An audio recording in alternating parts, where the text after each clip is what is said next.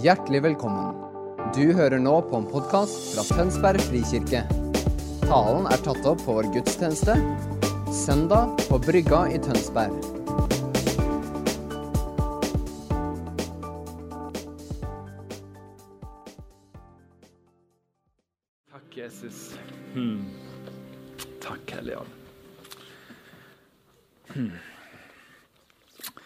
Du, bra. Jeg føler nesten jeg er sånn der, eh, i hvert fall, ikke om hvordan dere kjenner det, men jeg føler meg allerede mett. liksom, etter... eh, Det har skjedd så vanvittig mye i denne gudstjenesten. Fra åpninga og ordene til dåp og til det Morten delte nå, og til lovsangen. og jeg kjenner bare sånn der, Men jeg er veldig spent på det som jeg skal dele med dere òg. Mest kanskje Nei, ikke mest, men litt fordi at jeg har en veldig gøy powerpoint i dag. Eller jeg håper i hvert fall den er gøy. Vi får se. Um, se om jeg får på denne her. Her. Et liv i Guds kjærlighet skal jeg snakke om. Og når jeg tenkte på det og så den, så følte jeg meg litt sånn som de to som satt der. Følte meg litt sånn Ai, det har jeg hørt før. Det hørtes ikke ut som den feteste tittelen liksom, eller det gøyeste. det er sånn, åh, Hva er det egentlig? Vi snakker masse om kjærlighet, men hvordan ser det egentlig ut? Så Først så ser jeg at det, det er liksom noe som mangler på bildet, så jeg tegnte på litt sånn. Vi tar den en gang til, for det var så kult. Men Det er litt ufullkomment. Men vi sier ofte sånne begrep. ikke sant? Ta imot Guds kjærlighet. Hva i all verden er det? Eller bli i Guds kjærlighet. Eller hvil i Guds kjærlighet. Og Det er jo fantastiske konsepter, det er jo fantastiske ting, men det er ikke alltid så veldig lett å begripe det. Og så har vi alle ulike erfaringer på det. Eh, Men jeg har lyst til å prøve å male ut et bilde for dere. Eh, Noe som har blitt veldig tydelig for meg i sommer. En av hovedmøteplassene mine med Guds kjærlighet. Og det å, være, det å være en disippel er jo å følge etter Jesus. Det er å lære fra han.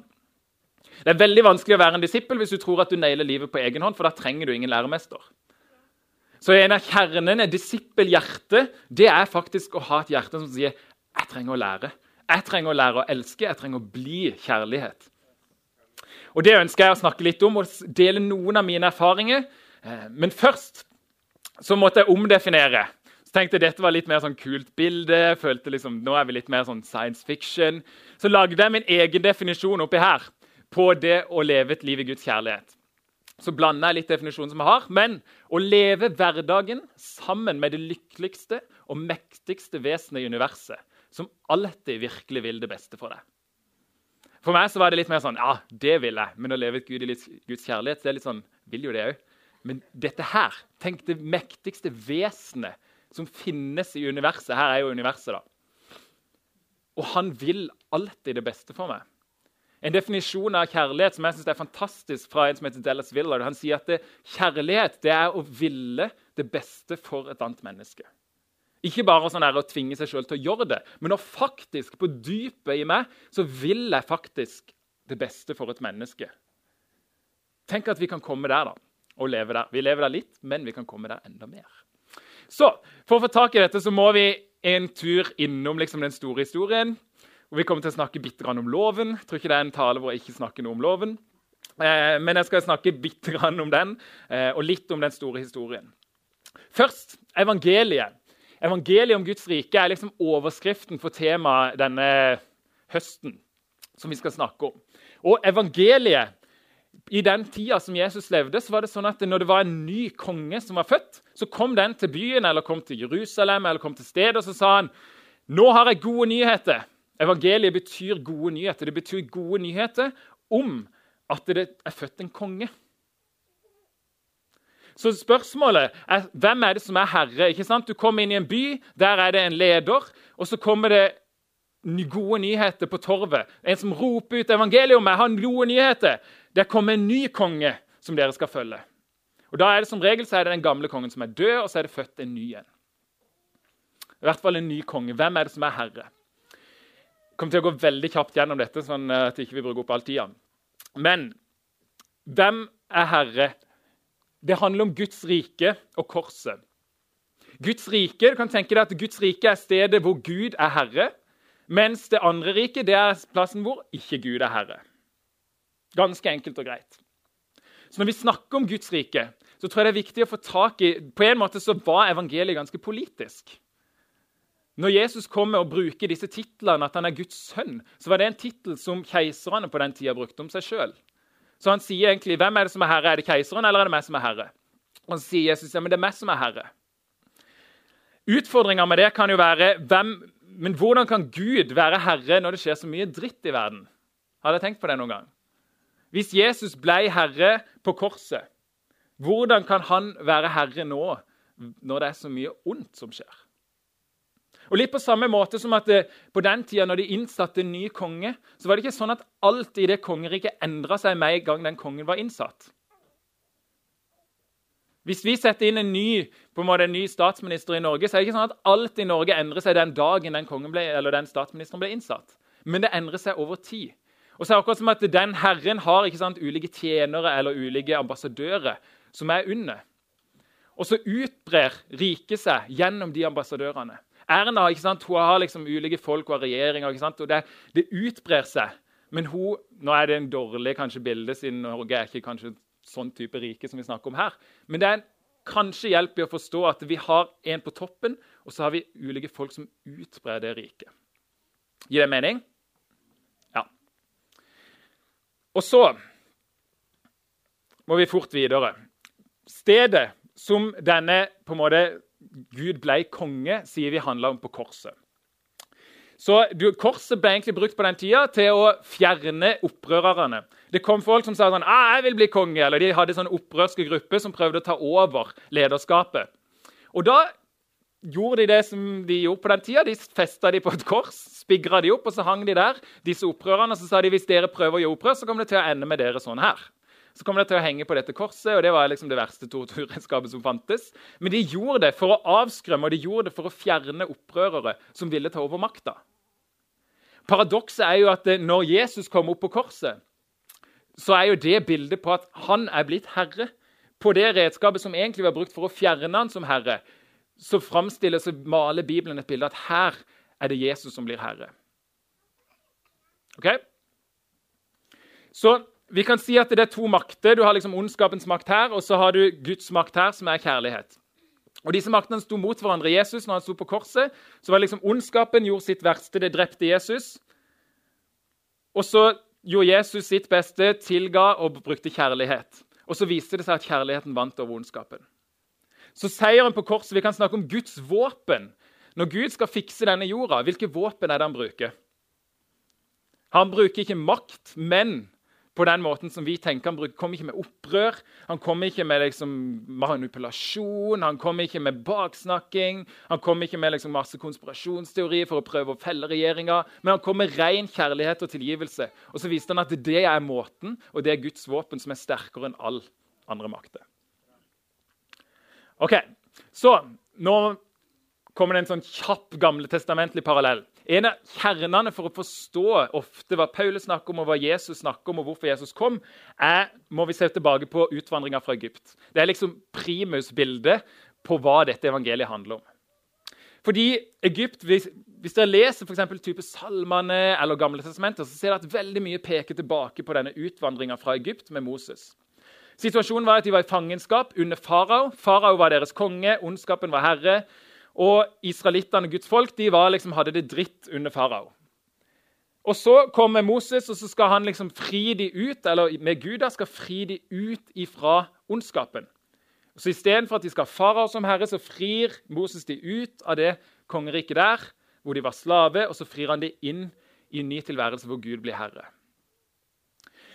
Det som skjer da, er jo litt fascinerende. Hvis jeg leser denne historien, så står det at Gud førte dem til dette havet. Men det var ikke den korteste veien. Han kunne ført dem en annen vei. Men han førte dem denne veien sånn, det står at det sånn at de ikke skulle gå tilbake igjen. Sånn at de ikke skulle gå tilbake igjen til fangenskap, så førte Gud dem til dette havet. Og så kommer de til dette havet.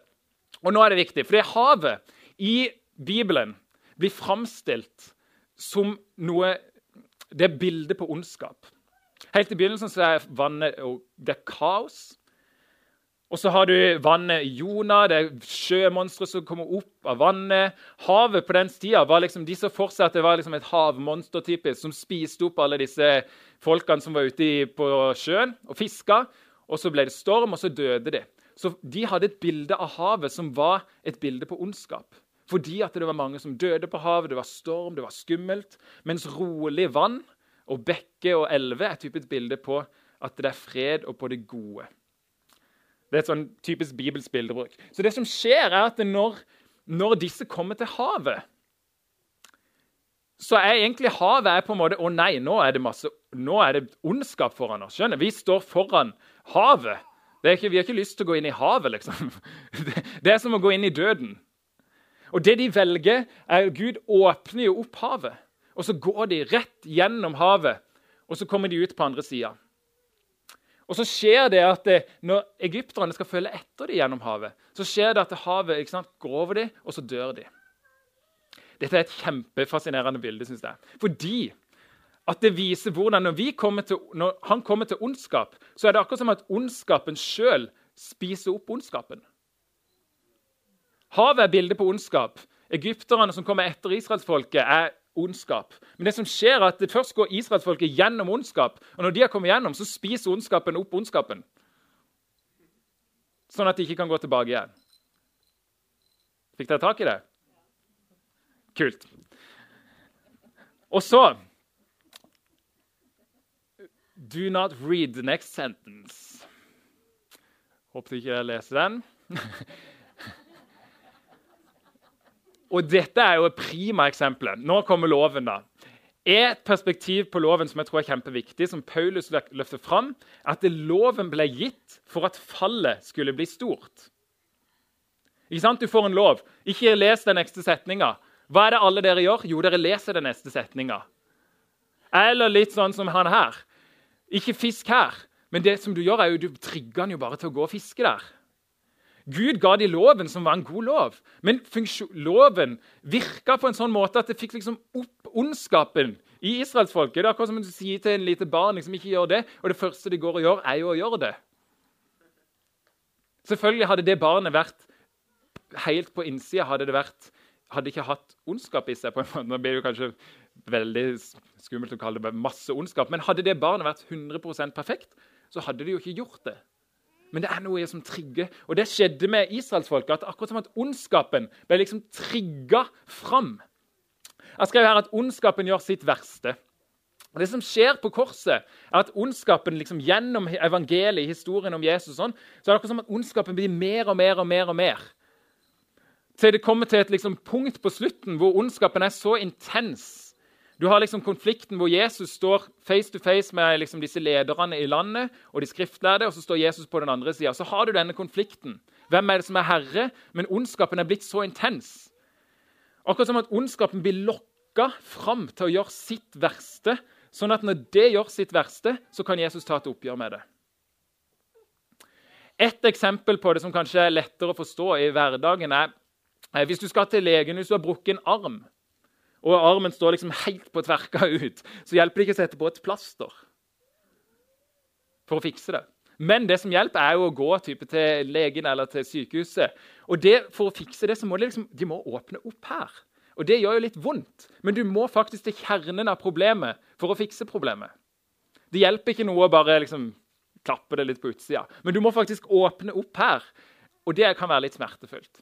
Eller hvis du går i sjelesorg og hatt, sant, du har en utfordrende situasjon. Og så kommer du inn der liksom, ja, har det vanskelig, jeg sliter mye med angst. og liksom, ja, Hva er du redd for, da? Nei, jeg er veldig redd for å dø, f.eks. Oh, ja, men det må vi prate om. Nei, nei, nei, jeg vil ikke prate om det. det vi må prate om noe annet. Eh, ja, men Var du ikke her for å få hjelp liksom, fordi du er redd for å dø? Jo, jo, kan du ikke hjelpe meg? Jo, men Da må vi prate om, om, om det, hva som har skjedd. liksom. Nei, nei, nei, jeg vil ikke prate om det. Det hjelper jo ingenting. Du må, For å får tak i det, så må du til kjernen i problemet for å faktisk fikse det. Og Det som skjer på korset, er at akkurat som at ondskapen samler seg sammen, sånn at Jesus kan ta et oppgjør med det. David og Goliat er jo prima eksempel. ikke sant? Goliat den største kjempen, største bildet på ondskap. Du, lokker, du får kjempen sjøl. Tar du kjempen, så tar du all ondskapen. David går liksom ikke og tar de der liksom undersåttene til Goliat. Men han går rett på kjempen som han har lokka fram, sånn at han kan få ned alt. OK? Så Dette bildet syns jeg var veldig kult. sånn skikkelig godt, gammeldags. eh. Men dette er et av de mest teologiske beste bildene jeg har sett på lenge. Fordi det som skjer her, at du ser Jesus sitte på en tronestol på korset. Korset i evangeliene blir fremstilt som en trone. Jesus får tornekrone. Det står over han at han er jødenes konge. Evangeliene maler ut et bilde at korset er stedet hvor Gud er konge. Så når spørsmålet er hvordan regjerer Gud i denne verden, så gjør han det gjennom korset. Han gjør det gjennom kjærlighet. Han gjør det gjennom, han, gjennom tilgivelse som skjedde på korset. OK. Nå, nå er vi liksom ferdig med litt den der eh, historien. Evangeliehistorien. Så hvordan, hvordan ser dette ut i livet? Det har liksom vært mitt. Hvordan lever jeg et liv i kjærlighet i hverdagen min? Utfordringa mi er jo at veldig mange ganger så gjør jeg ikke det. Så kommer, Akkurat som at ondskapen kommer på fullt display. Jeg er i en situasjon, og så plutselig blir jeg bare skikkelig frustrert. Egentlig skulle jeg jo ønske at kjærlighet kom ut, men så er det jo frustrasjon som kommer ut. Hadde jeg vært der? Hva skjer da? Hva gjør du i de situasjonene? Og Det er der Gud har begynt å redefinere for meg og begynt å sagt at dette Eivind, dette er en gave til deg. Disse situasjonene er ikke en sånn derre oh, shame on you. Men det er faktisk en gave. Og jeg ønsker å vise kort hva jeg tenker rundt det.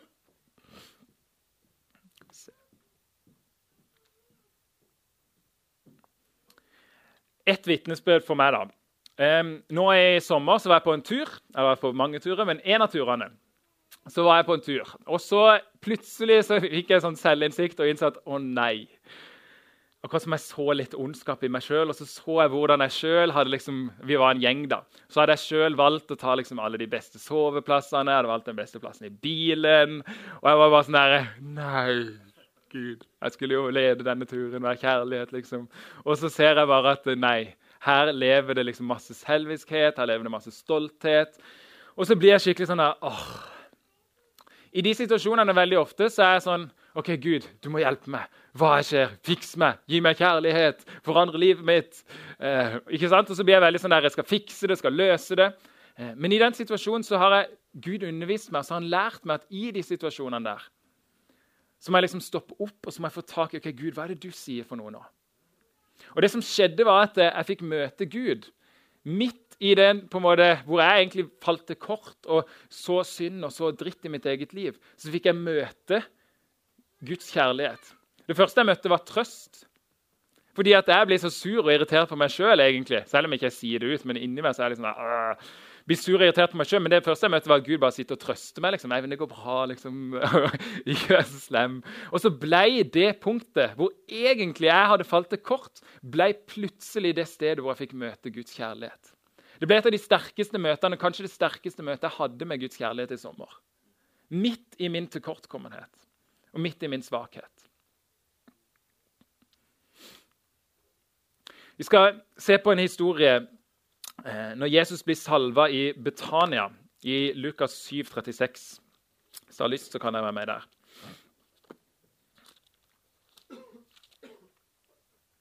Så Det er en historie hvor,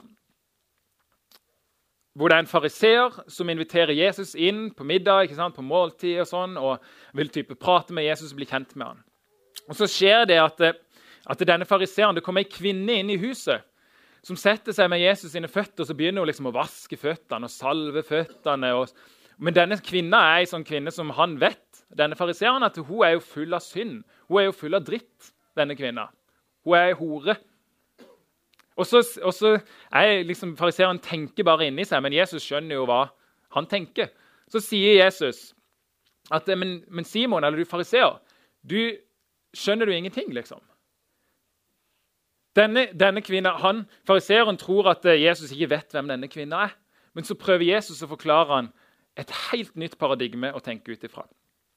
Jeg skal lese kort fra vers 39. Da fariseerne som hadde innbudt ham, så det, tenkte han med seg selv. Var denne mannen en profet, ville han vite hva slags kvinne det er som rører ved ham, at hun fører et syndefullt liv. Da tok Jesus til orde. 'Simon', sa han til fariseeren, 'jeg har noe å si deg.' 'Si det, mester', svarte han. Jesus sa to menn hadde gjeld hos en pengeutlåner. Den ene skyldte 500 darer og den andre 50. Men da de ikke hadde noe å betale med, etterga han dem begge gjelden. Hvem av dem vil da holde mest av ham? Simon svarte. Han, har, han, han etterga mest, tenker jeg.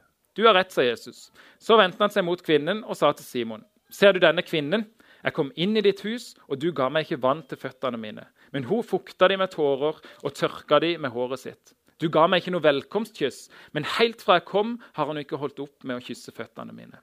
Du salva ikke hodet mitt med olje, men hun smørte føttene mine med den fineste salve. Derfor sier jeg det, hennes mange synder er tilgitt, og derfor har hun vist stor kjærlighet. Men den som får lite tilgitt, elsker lite. Så sa han til kvinnen, syndene dine er tilgitt. Derfor sier jeg det, hennes mange synder er tilgitt. Derfor har hun vist store kjærlighet. Så de som blir tilgitt mye, de viser stor kjærlighet. Og Da er jo ikke spørsmålet hvem av oss er det som har gjort mest galt.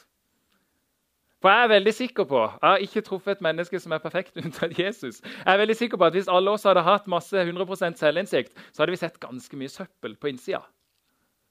Men det er jo ikke så farlig. Søpla hvis vi, Så lenge vi er klar over det og la Gud få komme og møte oss der, så er det en fantastisk ting. Det er en gave. Det som skjer, er faktisk at hvis vi gjør det, så blir vi folk som elsker mye. Men hvis vi bare tenker ah, ok, ja, det er ikke så farlig ja, det er litt søppel inni her, men det er ikke så nøye. Eller så kan du bli en person som kommer ja, her her levde det mye stolthet. Her tok Eivind alle de beste sengene og alle de beste plassene i huset. Og så kan du si at ja, det var ikke så farlig. Nei, det var jo ikke verdens undergang. Men jeg vil heller si at ja, det var faktisk ganske farlig. Det var faktisk ikke sånn som Gud hadde tenkt. Det var faktisk ikke perfekt kjærlighet. Men det det blir, istedenfor at jeg løper bort fra min feil og min ufullkommenhet, så går jeg heller bare så hopper inn i det og sier Gud, her er jeg. Takk for at dette blir mitt møtepunkt med din kjærlighet. Og så blir det at jeg blir tilgitt, blir faktisk det som gjør at jeg elsker mye. En annen historie det er historien om Maria og Martha. Eh, I Lukas 10, 38-42. Vi kan lese den òg kort. Den er så kort og grei. Skal vi se 10 Da de dro videre, kom han til en landsby, der en kvinne som het Martha, tok imot ham i huset sitt. Hun hadde en søster som het Maria, og Maria satte seg ned ved Herrens føtter og lyttet til hans ord. Men Martha var travelt opptatt med alt som skulle stelles i stand. Hun kom bort til dem og sa, 'Herre, bryr du deg ikke om at min søster lar meg gjøre alt arbeidet alene?' 'Si til henne at hun skal hjelpe meg.' Men Herren svarte, 'Martha, Martha, du gjør deg strev og uro med mange ting, men ett er nødvendig.' Maria har valgt en god del, og den skal ikke tas ifra henne. Så Martha hun står der, ser ikke så veldig happy ut. Ganske bitter på at eh, Maria bare sitter der. Denne historien her sikkert, Flere av dere har sikkert hørt den før. Men for meg så har Gud bare liksom åpna den opp på nytt. For Først har jeg tenkt at det, liksom, målet er jo å være Maria.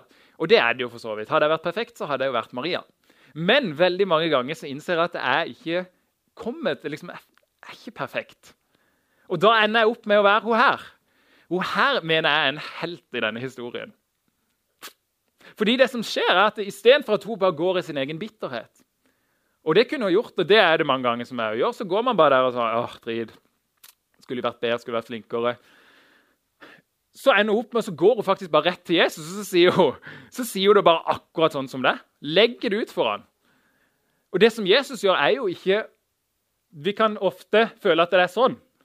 Ikke sant? At Jesus står der og så er han bare dritsur på Martha fordi at ikke hun gjør som hun skal. Eller vi kan se Sånn! ikke sant? Jesus er jo ikke sånn der 'Å, Martha, dust. Du skulle vært bedre.' Maria har jo òg sitt støff. liksom. Det er jo ikke sånn at Maria er perfekt. Maria har sine andre ting. Hun er sikkert kjempedårlig til å være tålmodig eller andre ting. Sikkert. Men det vet vi ikke så mye om. Men Martha har sitt støv, og det hun gjør, som er forbilledlig for oss, er jo at hun går rett til Jesus, sier det akkurat som hun er, og så får hun et møte med Jesu kjærlighet.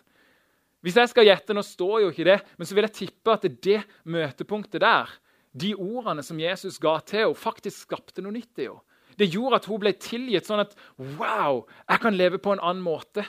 Det som egentlig var min på en måte skam, at jeg var bitter på henne, ble plutselig min møteplass med Jesus. Det ble faktisk møteplassen hvor jeg ble tilgitt. Og så fikk jeg mer kjærlighet etterpå. Fantastisk. Møteplassen. Vi elsker kjærligheten. Det fant jeg på VG. tror jeg. De har en sånn datinggreier. Men syns jeg det var fint. Det er jo det som skjer på møteplassen. Spørsmålet er liksom, Hva er det som skjer på denne møteplassen? da? Hva er denne møteplassen? Jo, det er jo stedet hvor jeg sjøl innser at nå har jeg dumma meg. liksom. Og Da kan du se på det stedet enten som en plass hvor du ender i selvfordømmelse, og hvor du blir kritisk, og hvor du blir lei av deg sjøl, og hvor du blir, jeg må bli mer kristen, jeg må bli mer disippel må... Skjønner, Så kan man ende og fikse seg sjøl. Jeg har vært der mye og prøvd å løse ting, og så er jo Gud nådig i det òg. Men det jeg har innsett, er at veldig ofte det jeg trenger, er jo at jeg kommer og bare, jeg trenger å bli trøsta når jeg gjør feil, for jeg blir så irritert på meg sjøl. Og så får jeg rettledning, jeg får hjelp i de øyeblikkene. Jeg har laget en sånn illustrasjon her. da. Fantastisk. Møteplassen her. Du har situasjonen. Enten kan du gå og erkjenne det fordi du har selvinnsikt og sett oi, nå er jeg faktisk kjempebitter. Maria, eller Martha var jo faktisk klar over at hun var sur. Det er jo mange av oss som ikke er klar over det engang. da er det veldig vanskelig å få den møteplassen med Guds kjærlighet og tilgivelse. Hvis ikke du er klar over det engang. Så det som skjedde, Hun gikk og erkjente det. Eller hun kunne fornekta det og ikke sett det fordi hun var blind. Og så har du bare gått i den der samme tralten og gått og vaska huset og vært sur resten av livet. Det som skjedde var at Hun fikk tilgivelse. Du mottar tilgivelse. Den som er tilgitt mye, den elsker mye. Det handler ikke om at jeg skal gå rundt og gjøre masse dritt for å bli tilgitt. Men det handler om at når jeg ser noe, så skal jeg heller erkjenne det og si at ja, det er faktisk noe. Veldig ofte når, når vi ber folk om tilgivelse, eller sier sånn her, 'Å, kan du tilgi meg for det jeg har gjort?' Så sier de sånn Nei, det er ikke så farlig'. Men nå har jeg endra litt. Så hvis folk kommer og gjør det til meg, så sier ja, du visste faktisk det betyr noe. Si ja, det var faktisk feil. Det var faktisk ikke noe bra. Det prega meg faktisk på en vond måte. Det var faktisk destruktivt for meg. Trenger ikke å male det skikkelig ut, skjønner, men, men du kan faktisk sette ord på det og kjenne etter. ok, Ble jeg faktisk prega av dette?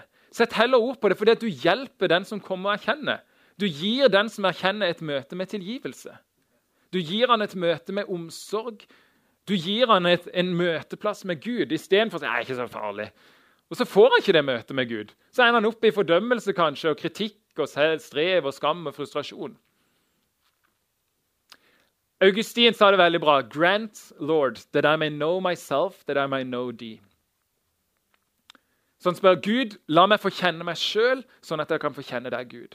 Det som skjer er at Når jeg kjenner meg sjøl i min svakhet og min styrke, så har jeg faktisk muligheten til å, bli, å få erfare Gud på de punktene òg.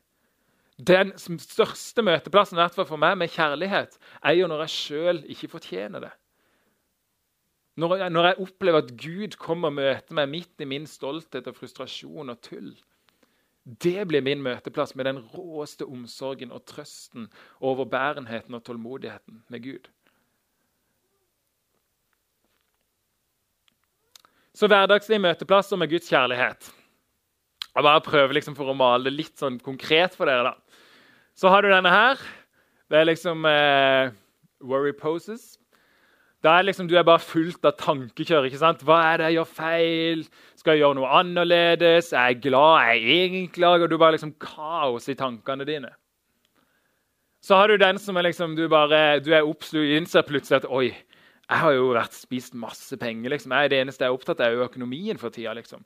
Jeg har tjent mammon for tida. Ikke sant? Noen ganger, det, det, er ikke sånn at enten så er du perfekt når det kommer til, til økonomi, eller så er du helt på et jorde, liksom. Vi er nødt til å innsette, oi, Noen ganger så har, så har, jeg noen tankesett som kommer inn i forhold til økonomi, og så er det helt greit. Så lenge jeg ikke bare sier at ja, du kan bare være der, men så lenge jeg bare sier ok, Gud, nå tenkte jeg dette her i forhold til økonomi. Det, jeg tror ikke det er sånn at en dag så blir du liksom perfekt på et område. liksom. Nå er jeg urokkelig på dette. Kanskje du kan komme ganske langt. det kan du sikkert. Men jeg tror det er veldig, heller viktigere å innse at ok, ondskap og rare tanker og løgntanker det bor i meg. Og det kommer sikkert alltid til en viss grad til å bo i der. Spørsmålet er hva jeg gjør når jeg ser det.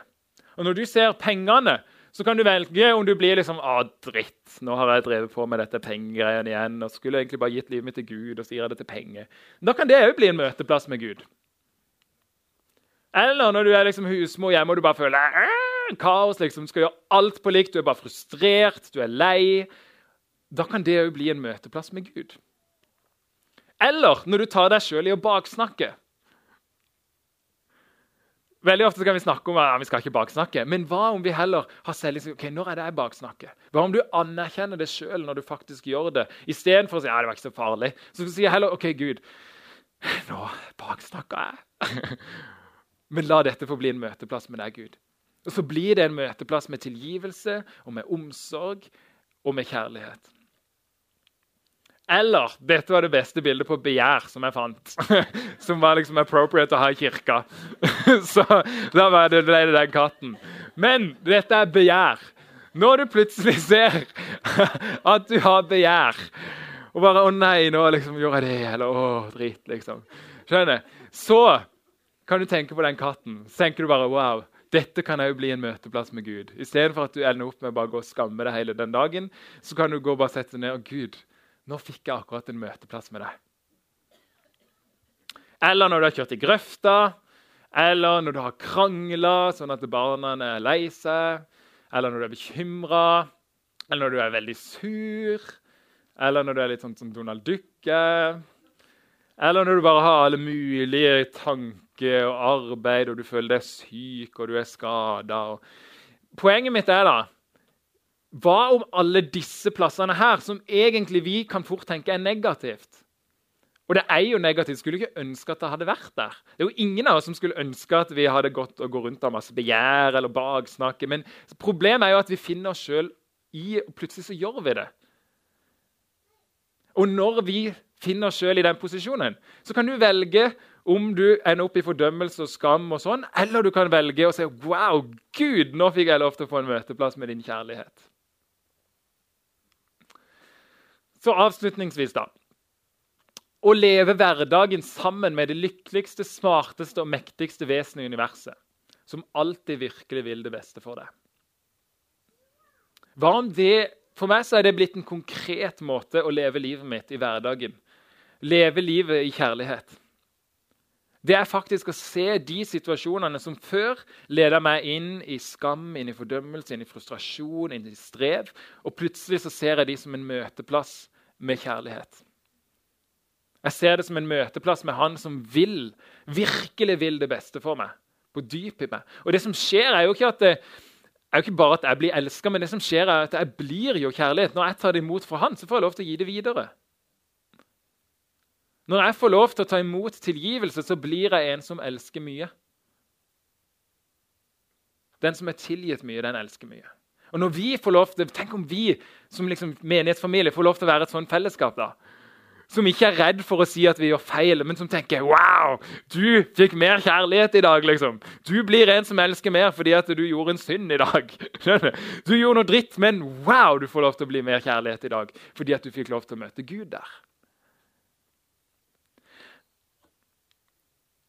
Og så ofte så kjenner jeg det litt sånn. At det er litt sånn her Eivind, du må vokse fortere, og så står jeg bare vannet og vannet og vannet og vannet og vannet. Og Han kan, kan ende litt sånn i strev, men hva om disse plassene hvor vi egentlig prøver å streve, hvor vi prøver å fikse ting og løse oss sjøl og ting og tang, hva om de plutselig blir en plass av, av ro, av fred? Av selvinnsikten er ikke på en måte en sånn fiende som vi prøver å løpe bort ifra, men det er faktisk en av våre beste venner som vi går sammen med. Fordi at jeg vet at hvis jeg har selvinnsikt, så får jeg lov til å møte Gud så får jeg lov til å bli kjent med han på dypet. Hvis det eneste jeg vet om meg sjøl, er at jeg liker å spille volleyball og lage pizza, så får vi en veldig overfladisk relasjon, alle oss. For det er det eneste jeg kommer til å si om meg sjøl. Men hvis jeg vet noe som er litt dypere om meg sjøl, så har òg dere muligheten til å bli kjent mer med dybden og med hvem jeg er. Og På samme måte så er det med oss. Når vi kjenner og har selvinnsikt på hva som foregår inni her, så har vi muligheten til å bli kjent med Guds kjærlighet.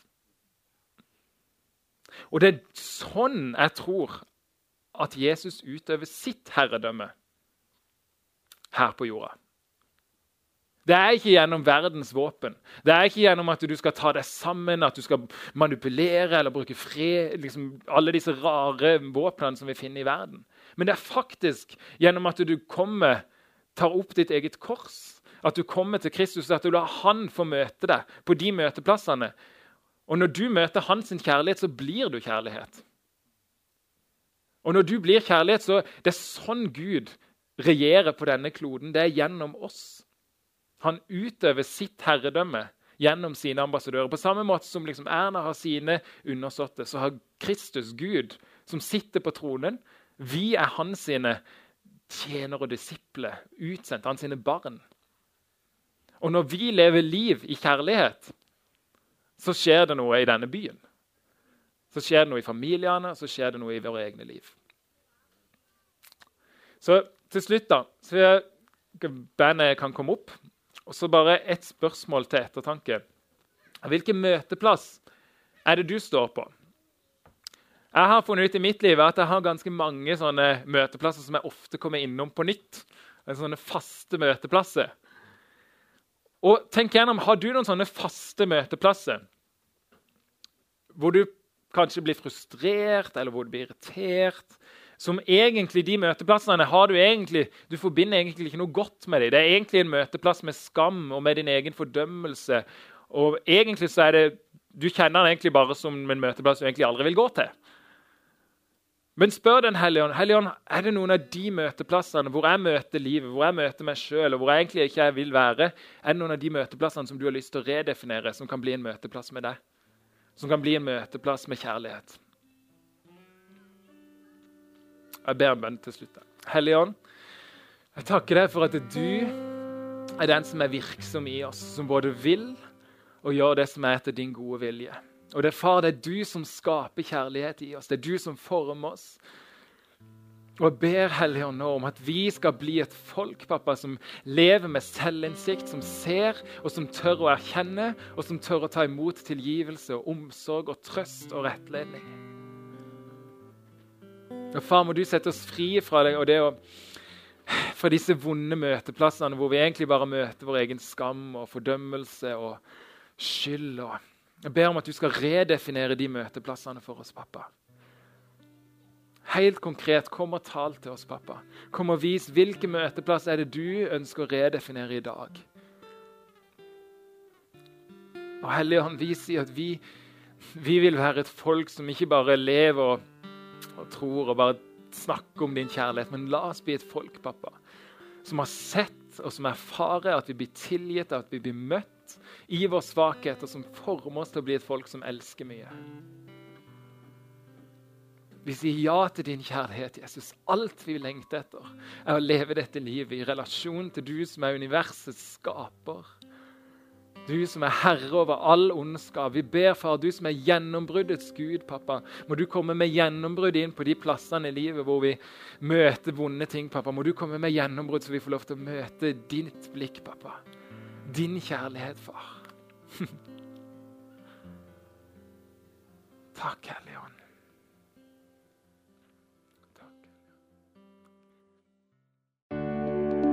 Takk for at du hørte på vår podkast. Har du spørsmål eller ønsker du å vite mer?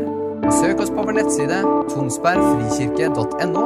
Du er også velkommen til kirke på Brygga i Tønsberg.